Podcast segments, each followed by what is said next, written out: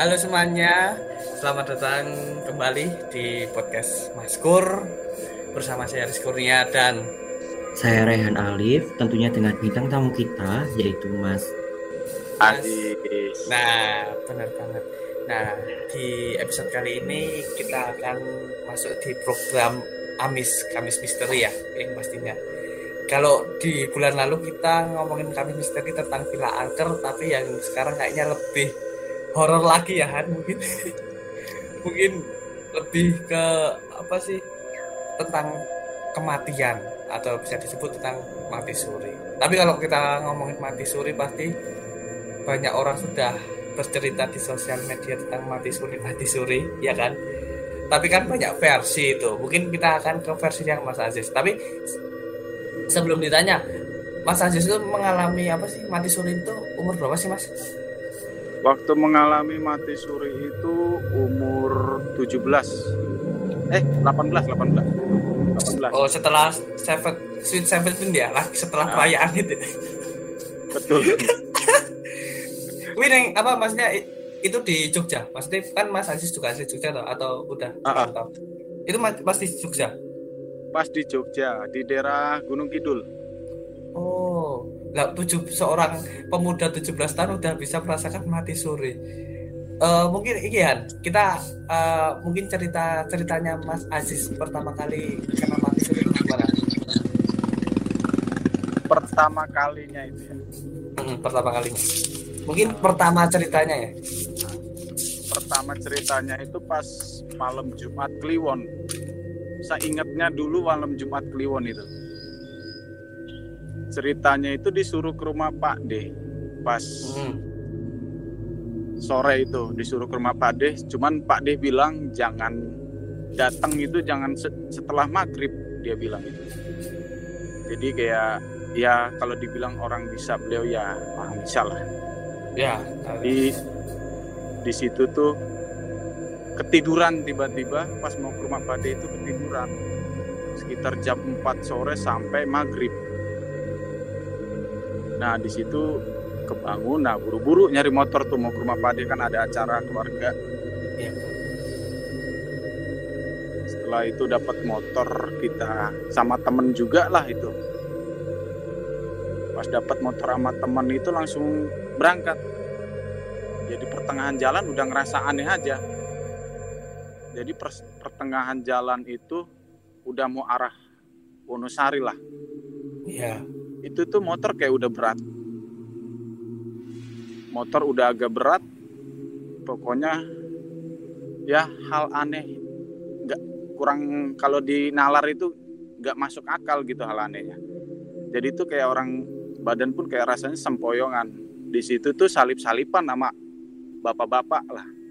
Hmm. Bapak bapak-bapaknya itu kalau nggak salah dari arah Madang. Daerah Ya, tahu. Dia dari situ salip-salipan saya mau nyalip dia itu kayak nggak dikasih. Cuman saya dalam arti ya di belakang dia aja ngikutin dia di belakang nggak bisa nyalip. Nah pas di situ tuh tiba-tiba dia ambil kiri dan ya itu pun nggak ngesen. Dikiranya saya itu dia mau belok ke arah kiri. Tiba-tiba langsung nikung ke arah kanan. Di situlah terjadi kecelakaan dan saya ingat pas kecelakaan itu badan tuh kayak orang terbang. Jadi kalau orang situ bilang tuh yang saksi matanya ke lempar sampai 30 meter keseret motor. Jadi motornya tuh muter-muter gitu loh kayak apa sih? Kayak jungkir balik lah motornya tuh. Iya, iya, iya, iya, iya, iya, iya. pas udah kecelakaan itu masih agak sadar cuman orang bilang situ saya udah gerem-gerem Hmm. kayak orang sekarat gerem-gerem dan darahnya Hmm. pun di dalam itu gitu ya. banyak Darahnya. banget Ah, ah. jadi kayak mancur dari kepala darah itu Hmm. Darah Berarti mancur ngalami dari pendarahan kepala. gitu ya Mas ya? ah pendarahan yang saya herannya itu teman saya nggak nggak kenapa-napa gitu loh padahal dia saya bonceng tapi dia nggak kenapa-napa dan bapak yang saya tabrak itu pun pecah di bagian gendang telinga. Jadi keluar darah terus dia itu kata keluarganya karena di situ Pak RT sama RW-nya pun datang. Jadi yang ditolongin sama warga situ cuman bapak itu. Tapi saya sama teman saya ini cuman dibopong sama teman saya minta tolong teman saya Pak tolongin tolongin teman saya ini buat nolongin saya tiba-tiba nggak ada yang nolongin langsung Pak RT-nya lari nolongin darahnya kelihatan udah mancur. Dari kepala dari samping mata pun udah keluar darah. Mm-mm. It- itu secara penglihatan temannya Mas Aziz ya bahwa Mas Aziz setelah ditabrak penglihatannya itu tapi yang Mas Aziz rasakan setelah jedes ketabrak gitu kan Mas Aziz terlontar itu masih sadar? Itu rasanya kayak orang ngimpi. Jadinya pas jatuh tuh masih sadar terus habis jatuh langsung tidur gitu langsung tidur.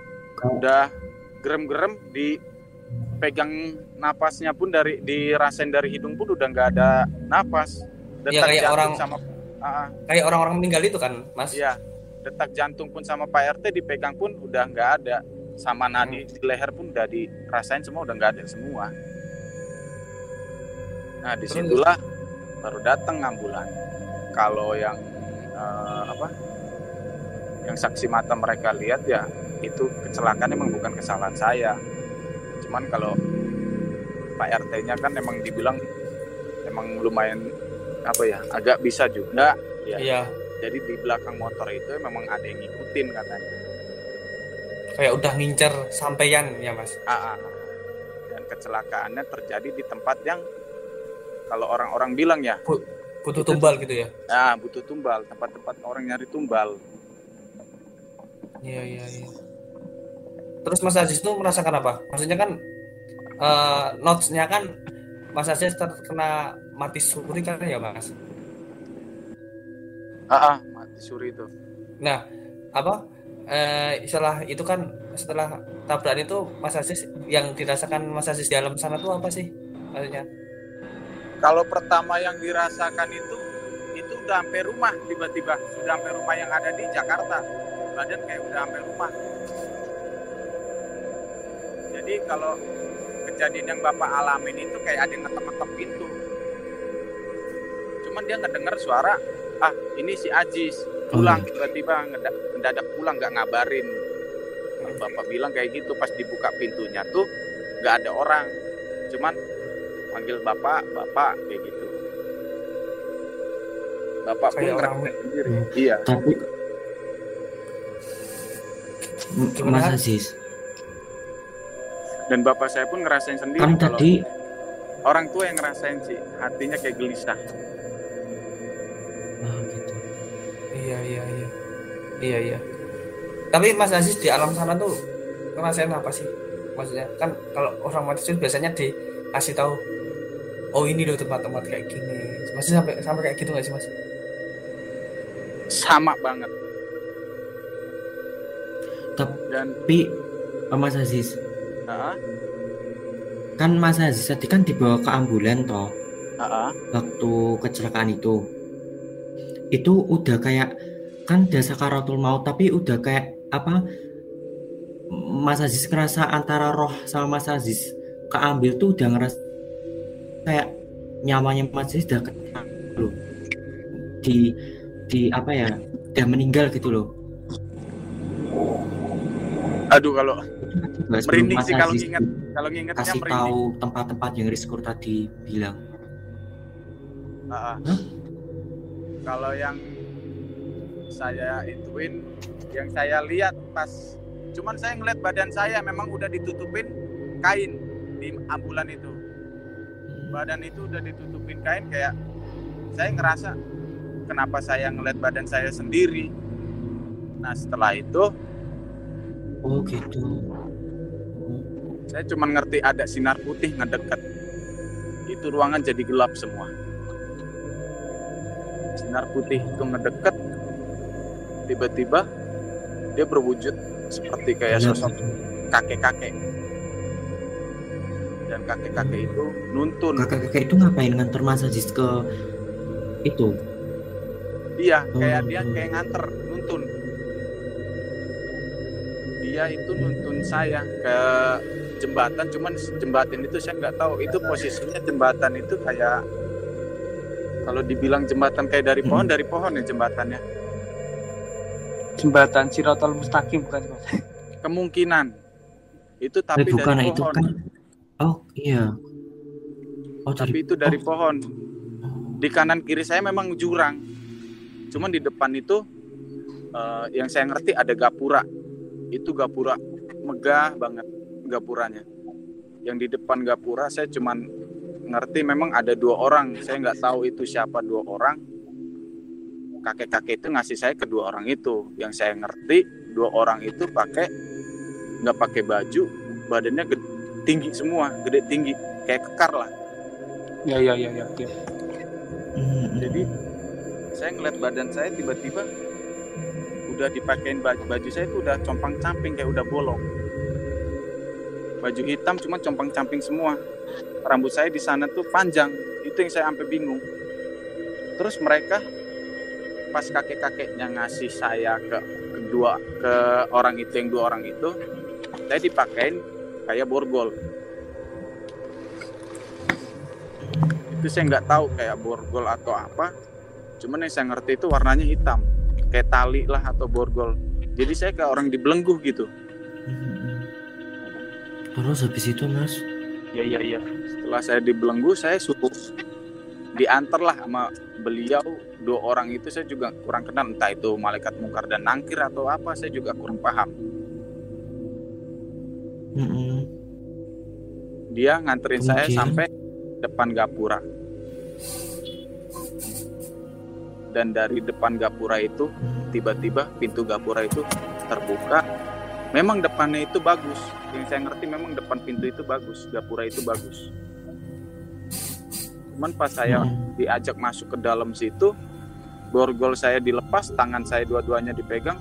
Jadi itu borgol dari tangan, leher sampai kaki.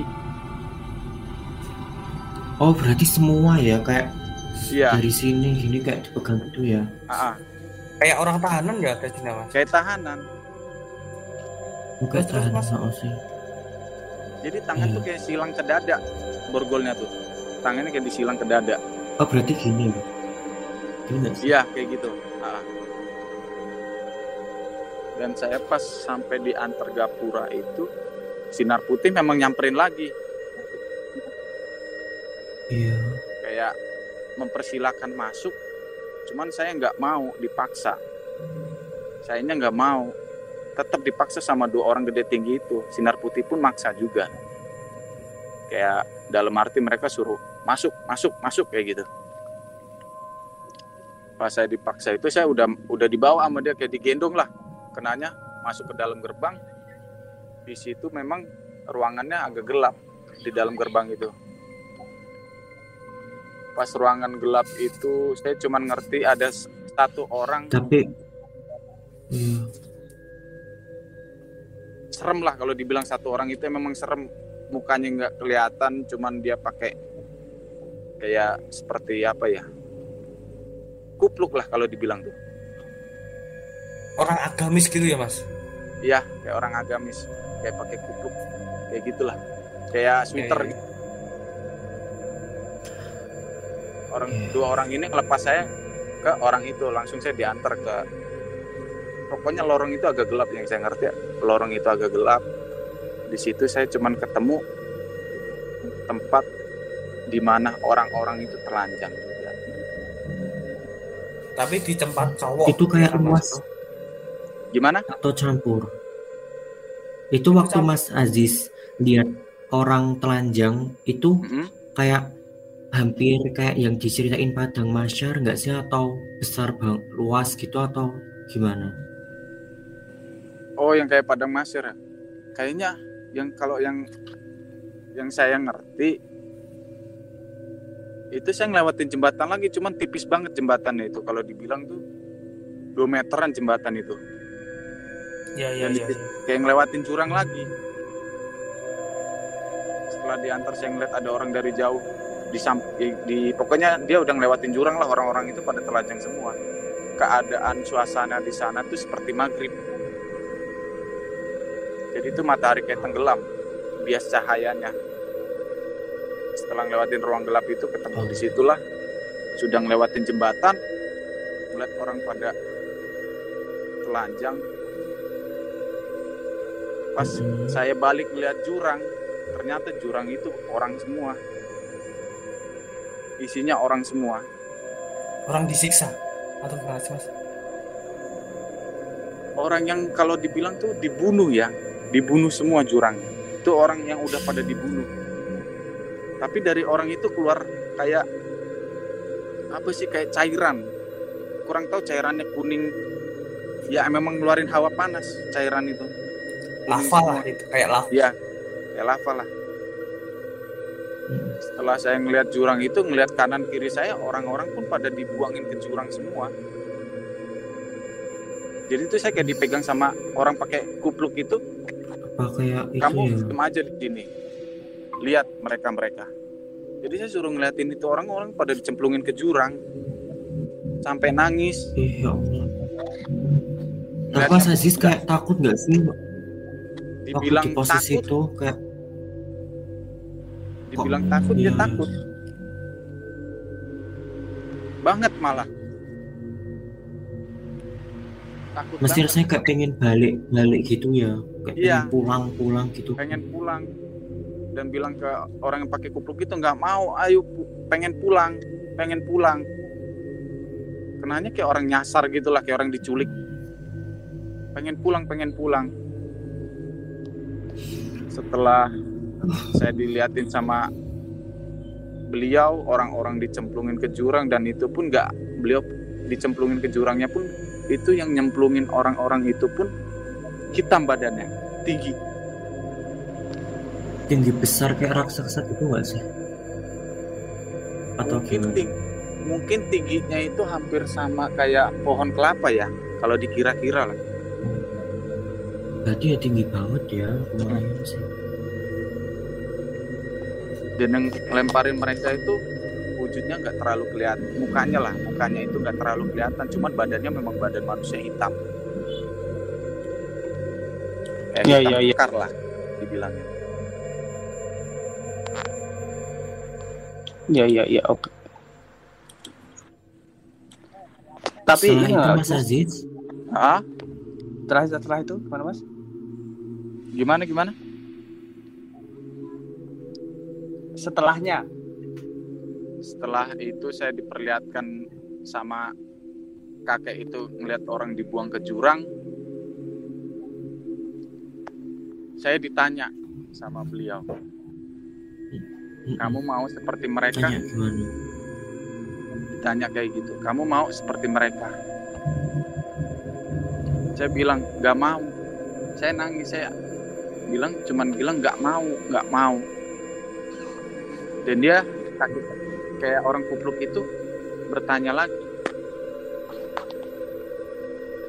Kalau kamu nggak mau apa yang kamu lakuin di dunia semasa kamu masih hidup? Itu yang saya bingung. Bikin saya nangis. Iya iya. Aduh aku jadi ikut nangis juga. Takut saya deh. cuman bilang saya ngejalanin perintah. Ya kan saya orang Islam. Iya saya iya iya. ngejalanin perintah agama. Saya berusaha untuk bahagiain kedua orang tua. Dan saya berusaha untuk menyenang ibarat kata kayak buat orang tua bahagialah berkelakuan baik di dunia. Saya sholat setiap hari. Dan dia pun bilang cuman bilang kamu salah teka-teki di saya kenapa saya salah? Saya ngejalanin perintah agama. Ternyata yang dia maksud kamu ngelakuin apa aja di dunia itu? Yang dia lihat itu akhlak kita.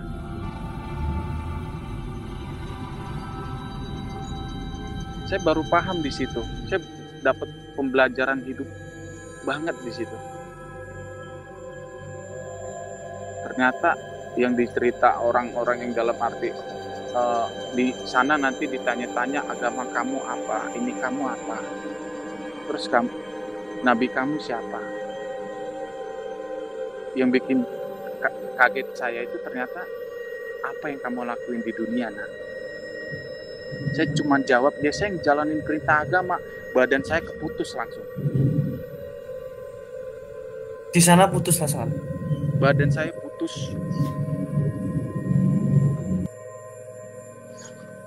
dan tiba-tiba orang pakai kupluk itu megang badan saya rapat lagi saya kesakitan minta tolong minta tolong ampun ampun di sana saya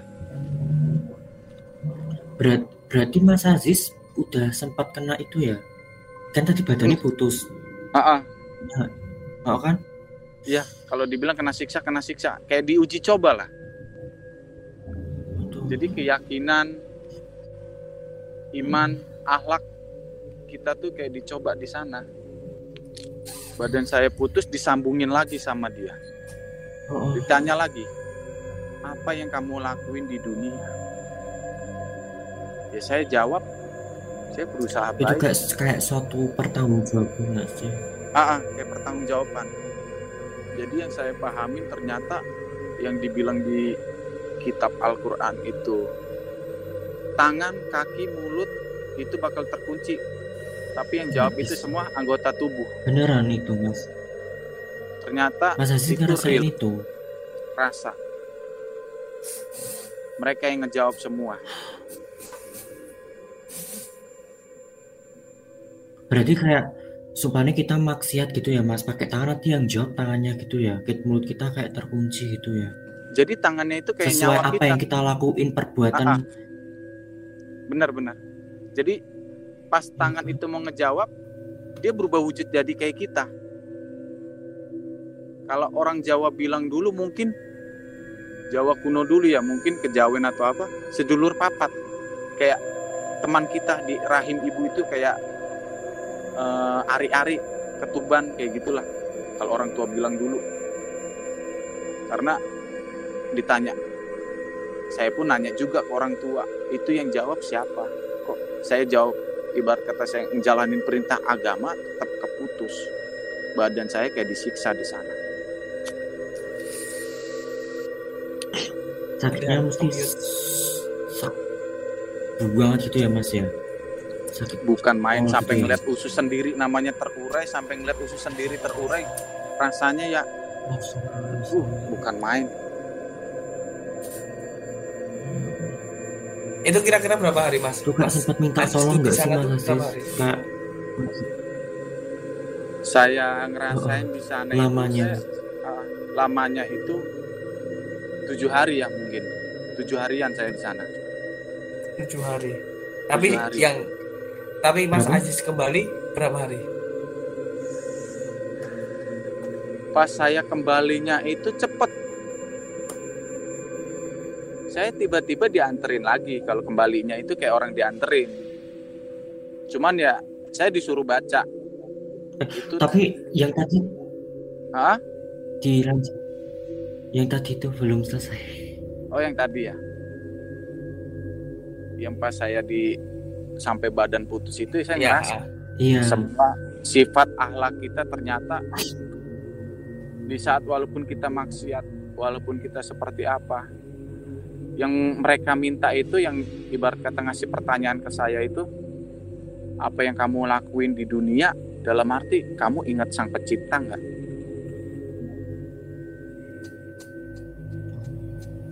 Beliau cuma nerangin sang pencipta itu maha segalanya. Sang Iya, iya, pencipta iya. itu maha paling agung. Walaupun kamu sholat sang pencipta nggak ngelihat kamu ibadahnya. Tapi sang pencipta itu ngelihat kamu dari kelakuan kamu di dunia kepada makhluk lain. Saya dapat pembelajaran di situ. Ternyata sang pencipta itu cuman pengen kita harus mengingat kita harus bersyukur kita ngejalanin kehidupan itu yang dalam arti yang baik-baik aja. Mau itu kita lika-liku kehidupannya ke mana pun sang pencipta karena itu udah takdir takdir kita. Kita cuman bisa pasrah. Itu yang pengalaman saya dapat dari situ. Dan beliau pun cuman bilang sang pencipta itu maha paling agung. Iya, iya, iya, iya, iya, iya, iya. Tapi nih Mas, tadi kan si Rehan juga sempat nanya, Mas Ah. Aziz merasa nggak sih apa setelah disiksa itu sakit? Maksudnya minta ampun, minta udah, udah gitu rasanya. ngerasanya bukan main minta pulang minta ampun pokoknya sampai saya ya Allah salah saya salah apa sampai minta tolong ke orang tua juga cuman di situ nggak ada nggak ada orang tua. Mau bingung jadi saya cuman ngerasain sakit sakit yang dalam banget di badan namanya putus disambungin lagi. Setelah orang kupluk itu ngejelasin yang dimaksud apa yang kamu lakuin di dunia tadi dia, cuman bilang kamu cukup mengingat sang pencipta pun sang pencipta itu udah senang. Dia cuman bilang itu. Iya, iya. Dan dia pun ngasih pertanyaan lagi. Kamu ngadep sang pencipta itu di mana? Kalau saya dalam arti dia kayak nerangin kamu ngadepnya kiblat kamu di mana? Dia nanya kayak gitu kiblat kamu di mana? Saya cuma jawab kiblat saya di Ka'bah karena saya orang Islam nah itulah kepala saya hancur. Langsung remuk langsung Rem- saya ngeliat sendiri. Kepala saya hancur. Ya hancur langsung kayak langsung nggak sadar gitu. Seleng, langsung hancur. Sama dia disembuhin lagi. Nyambung. Tapi sakit nggak mas waktu pecah itu kepalanya? Ngerasainnya. pasti sakit. Dan dalam arti itu yang isi kepala itu keluar semua. Tapi saya masih bisa ngomong di situ. Ampun ampun ampun.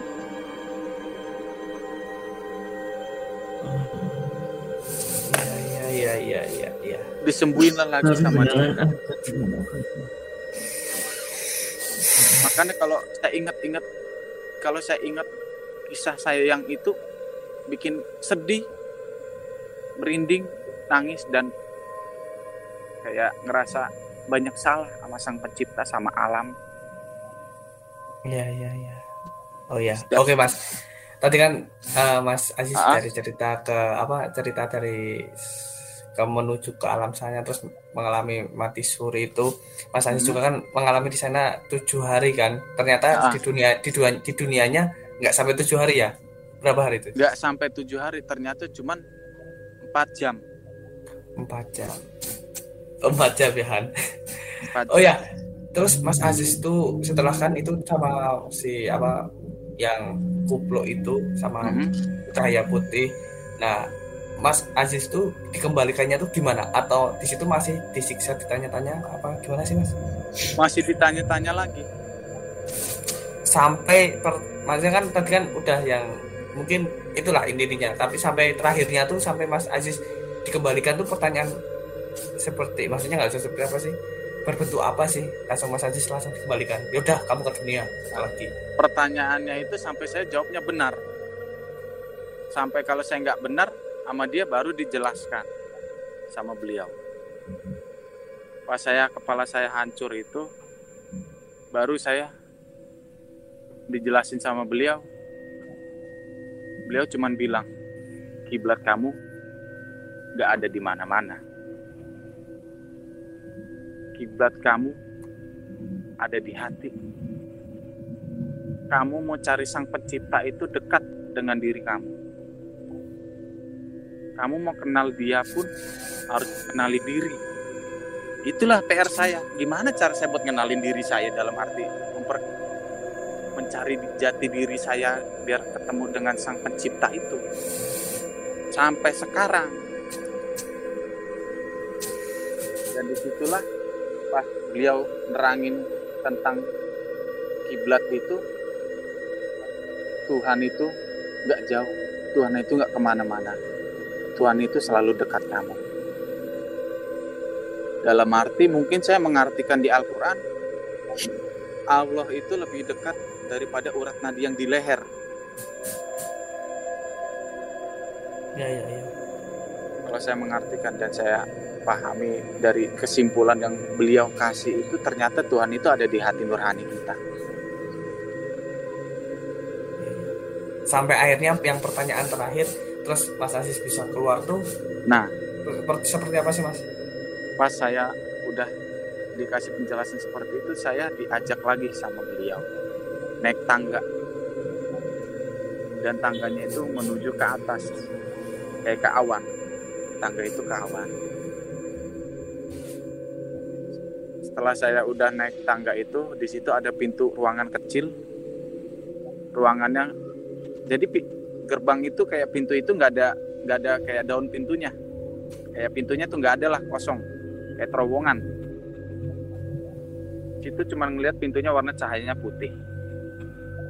Dia nganterin saya sampai sana dan beliau cuma bilang, terima kasih sudah mampir. Kayak enak banget gitu loh beliau cuma bilang kayak gitu.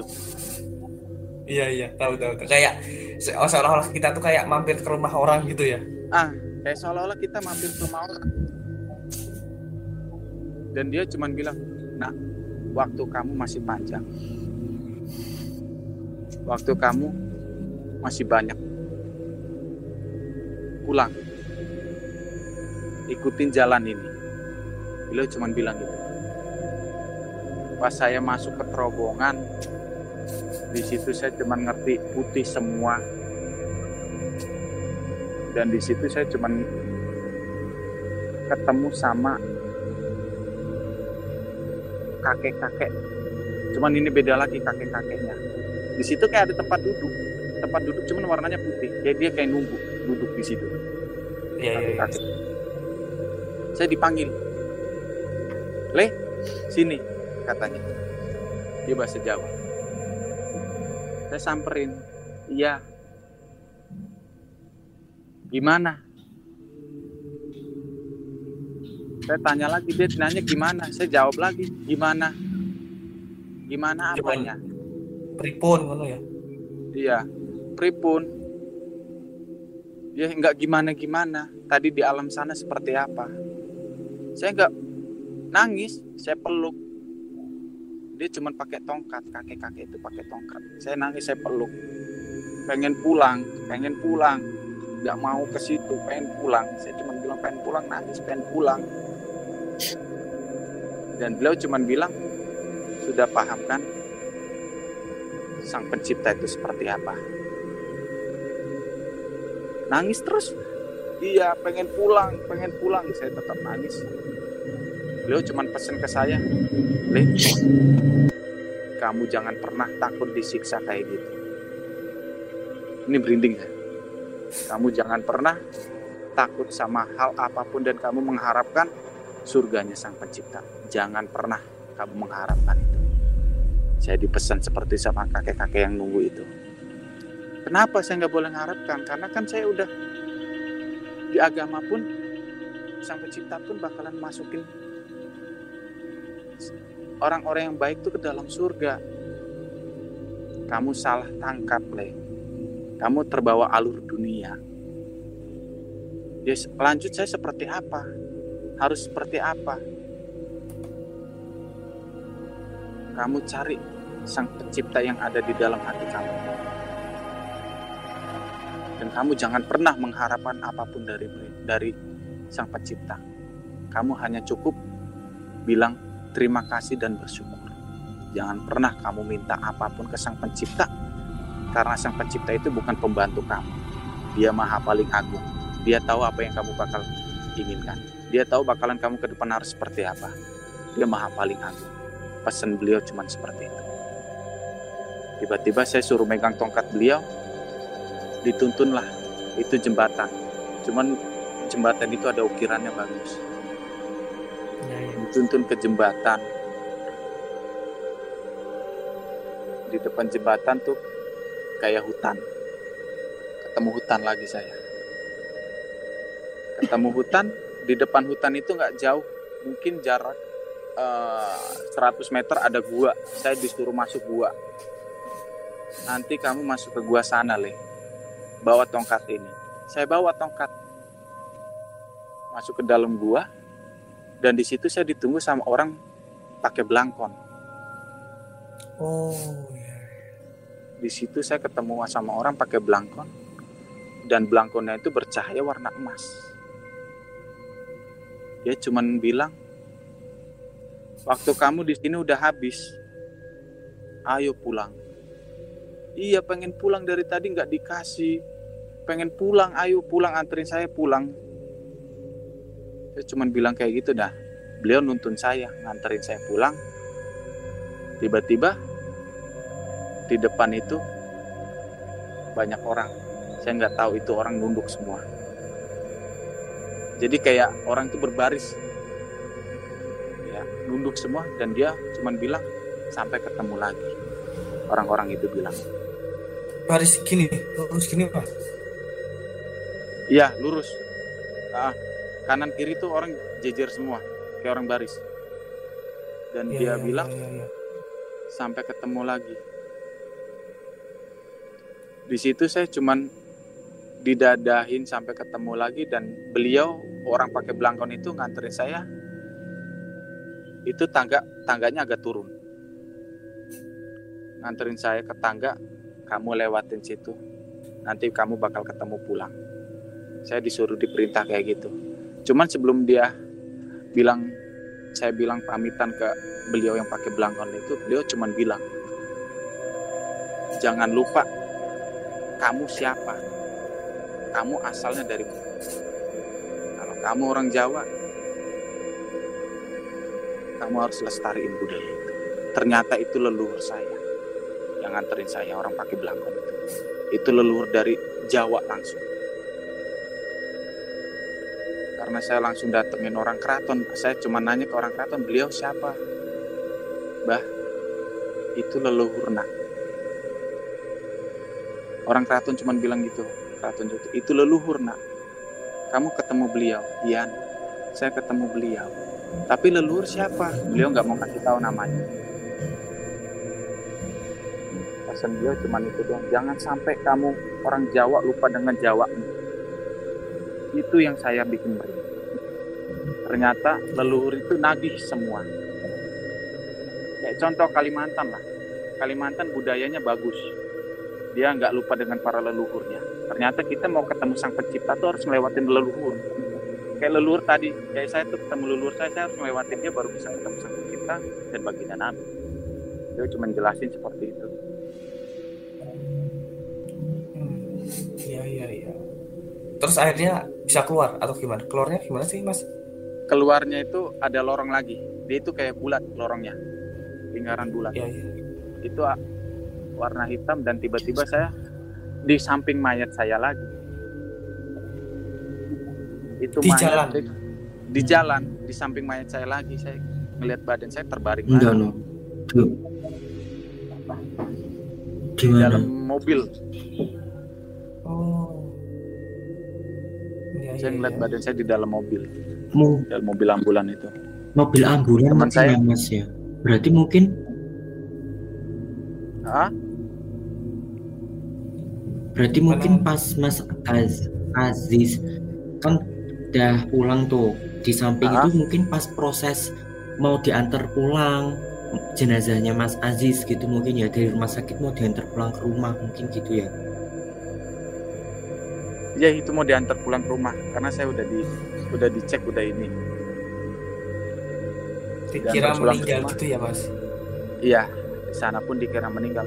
Itu pas udah masuk mobil itu jadi mobilnya mungkin saya ingat teman saya itu mobilnya masih di parkiran. Saya cuma nanya ke teman saya. Cuman saya udah di depan situ kayak ya saya emang benar saya ngerti ada banyak mobil di situ. Mungkin di parkiran lah rumah sakit. Tiba-tiba saya teman saya ngeliat teman saya di situ nangis-nangis dan minta tolong. Pak ini tolongin teman saya. Nangis sampai dia meluk-melukin saya itu saya udah ditutupin pakai kain. Dia meluk-melukin saya. Tiba-tiba saya dengar suara dia. Eh sebelum saya dengar suara dia itu saya eh, ketemu sama orang itu. Dan saya ngobrol sebentar sama orang itu. Dia anak muda pakai pakaian baju kemeja panel cuman di samping mukanya itu muka yang sebelah kirinya itu hancur ada darah. Saya agak ngobrol sebentar sama dia dia cuman bilang "Eh, kamu berhasil ngelewatin semuanya. Dia cuman bilang sampai ketemu lagi. Dia cuman bilang kayak gitu lagi sampai ketemu nanti. Dan saya cuma nanya kamu siapa? Kita sama. Di hari itu juga kita pergi. Cuman kenanya saya udah nggak ketolong. Dia cuman bilang kayak gitu. Jadi malah orang itu tuh di hari yang sama tuh sama-sama kecelakaan sama saya. Cuman saya nggak tahu dia di daerah mana kecelakaannya dan orang itu meninggal Iya iya iya. Ya. Dan akhirnya Mas Aziz masuk ke dalam tubuhnya Mas Aziz. badan Ah, masuk ke dalam badan itu teman pun kaget tiba-tiba dia meluk saya gerem lagi nangis sambil megang kepala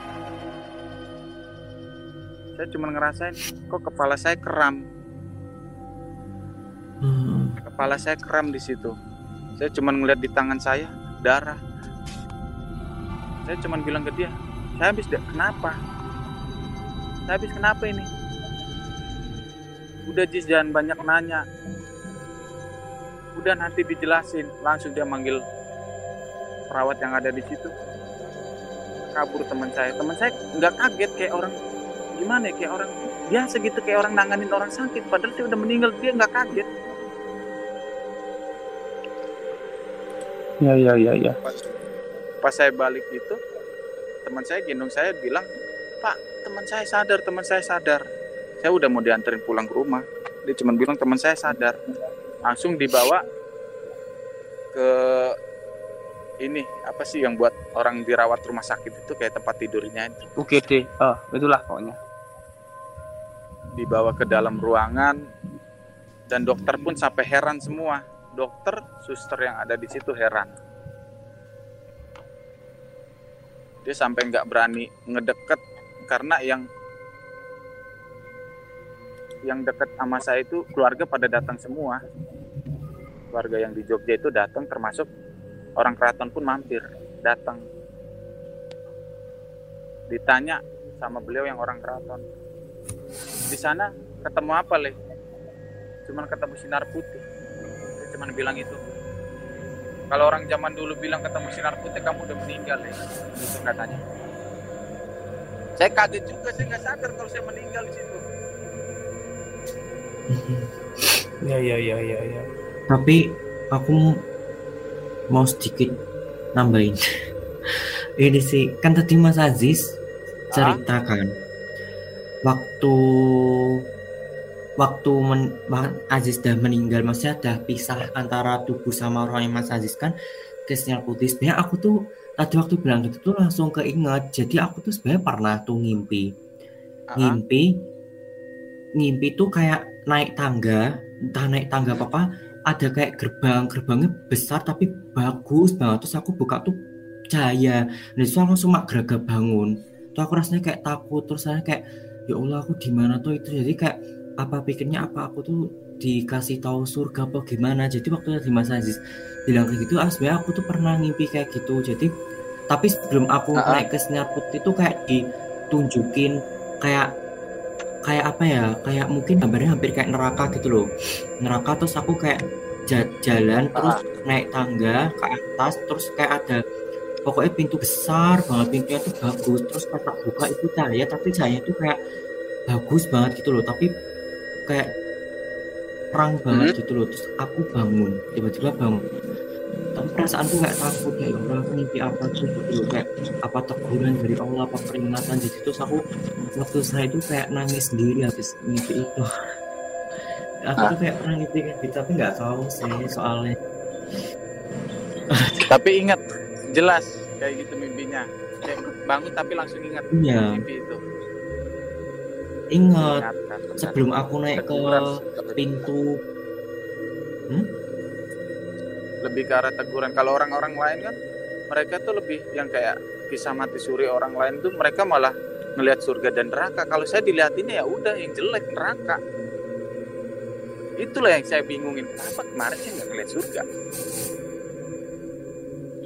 Iya iya. Aku kalau saya aku bisa ngulangin lagi saya pengen gitu ngeliat surga tuh kayak gimana Iya iya iya. Iya sih benar. Tapi kan akhirnya Mas Aziz itu eh, kembali terus akhirnya di maksudnya di kalau orang Jawa di ewangi maksudnya ditolong sama teman-teman terus kerabat keraton juga di Ah, ah. di situ dan akhirnya alhamdulillahnya sembuh ke- kembali gitu. Terus orang-orang Ah. keraton, orang-orang di sekitar juga bilang kalau oh itu mati suri le atau gimana gitu tuh. Iya, mereka bilang mati suri dan orang keraton itu datengin ke tempat kejadian itu memang anak ini udah mati. Dikiranya saya bohong gitu.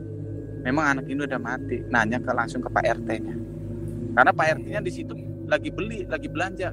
Karena saya kecelakaan di depan warung, katanya. Saya, kata teman saya juga itu pun. Saya pun karena nggak ingat kejadian yang saya ingat ya saya jalan ke, ke alam lain yang saya ingat. Iya iya tahu tahu tahu. Eh, ya mungkin ini ya buat listener-listener yang mendengarkan yang di program Amis Kamis Misteri ini mungkin dari kisah mati surinya Mas Aziz kita bisa belajar ya bisa untuk memperbaiki diri lagi. Eh, bukannya menakut-nakuti tapi ya emang Mas Aziz aja yang rasanya kayak gitu mungkin kita introspeksi diri. Atau enggak mungkin ini ya Mas sebelum kita closing nih ya. Ada nggak sih Mas dari Mas Aziz? Ah, pesan buat anak-anak muda sekarang. Apalagi Mas Aziz pas itu lagi umur-umur pertumbuhan dewasa kan yang yang terkena mati suri itu. Ada nggak sih Mas pesan Ah. buat listener yang mendengarin ini nanti? Kesan dan pesannya. atau pesan Uh, pesan uh, pesannya itu maut selalu mengintai kita. Maut itu nggak kenal waktu, mau siang, mau malam, mau pagi, mau sore. Kapan pun mereka bisa datang. Tapi di Ya, situ ya, ya. kita nggak usah takut. Cukup yang kita takutin sang pencipta. Jangan pernah kita takut neraka. Ataupun kita Iya. mengharapkan surga.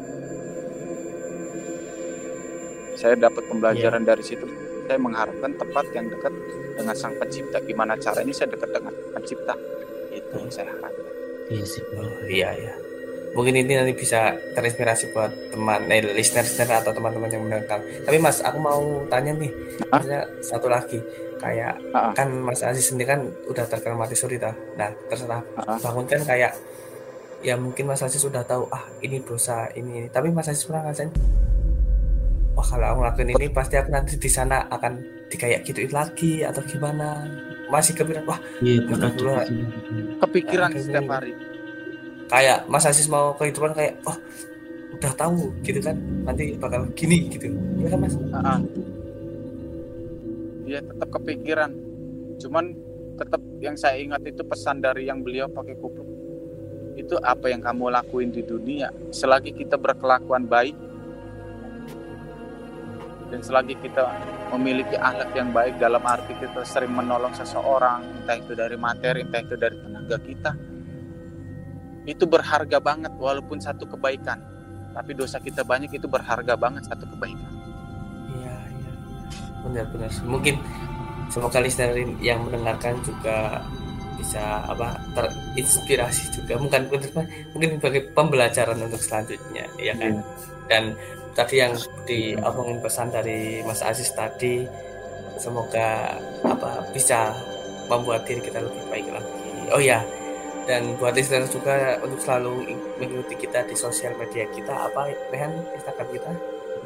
Oh ya jangan lupa untuk follow Instagram kita @maskur.podcast double s double r dan jangan lupa untuk follow TikTok kita. TikTok kita @maskur double s dan double r dan Twitter kita @maskur underscore pod CST. Jangan lupa isi curiosity di link bio yang ada di di yang di deskripsi. Dan mungkin nanti kita bisa sama Mas Aziz bisa cerita yang lebih kejauhan. Kan nanti kita ada Mas Aziz sedikit spoiler ya tentang kejauhan-kejauhan Oh. nanti mungkin nanti di next mungkin kita bisa membahas lebih lanjut lagi. Dan juga makasih ya Mas Aziz udah mau berbagi berbagi cerita di sini. Semoga Iya, bermanfaat kasih. buat teman-teman sama listener yang mendengarkan, buat aku juga sama Rehan yang yang Iya. mendengarin cerita ini kayak wow ternyata sampai segininya ya Cuk.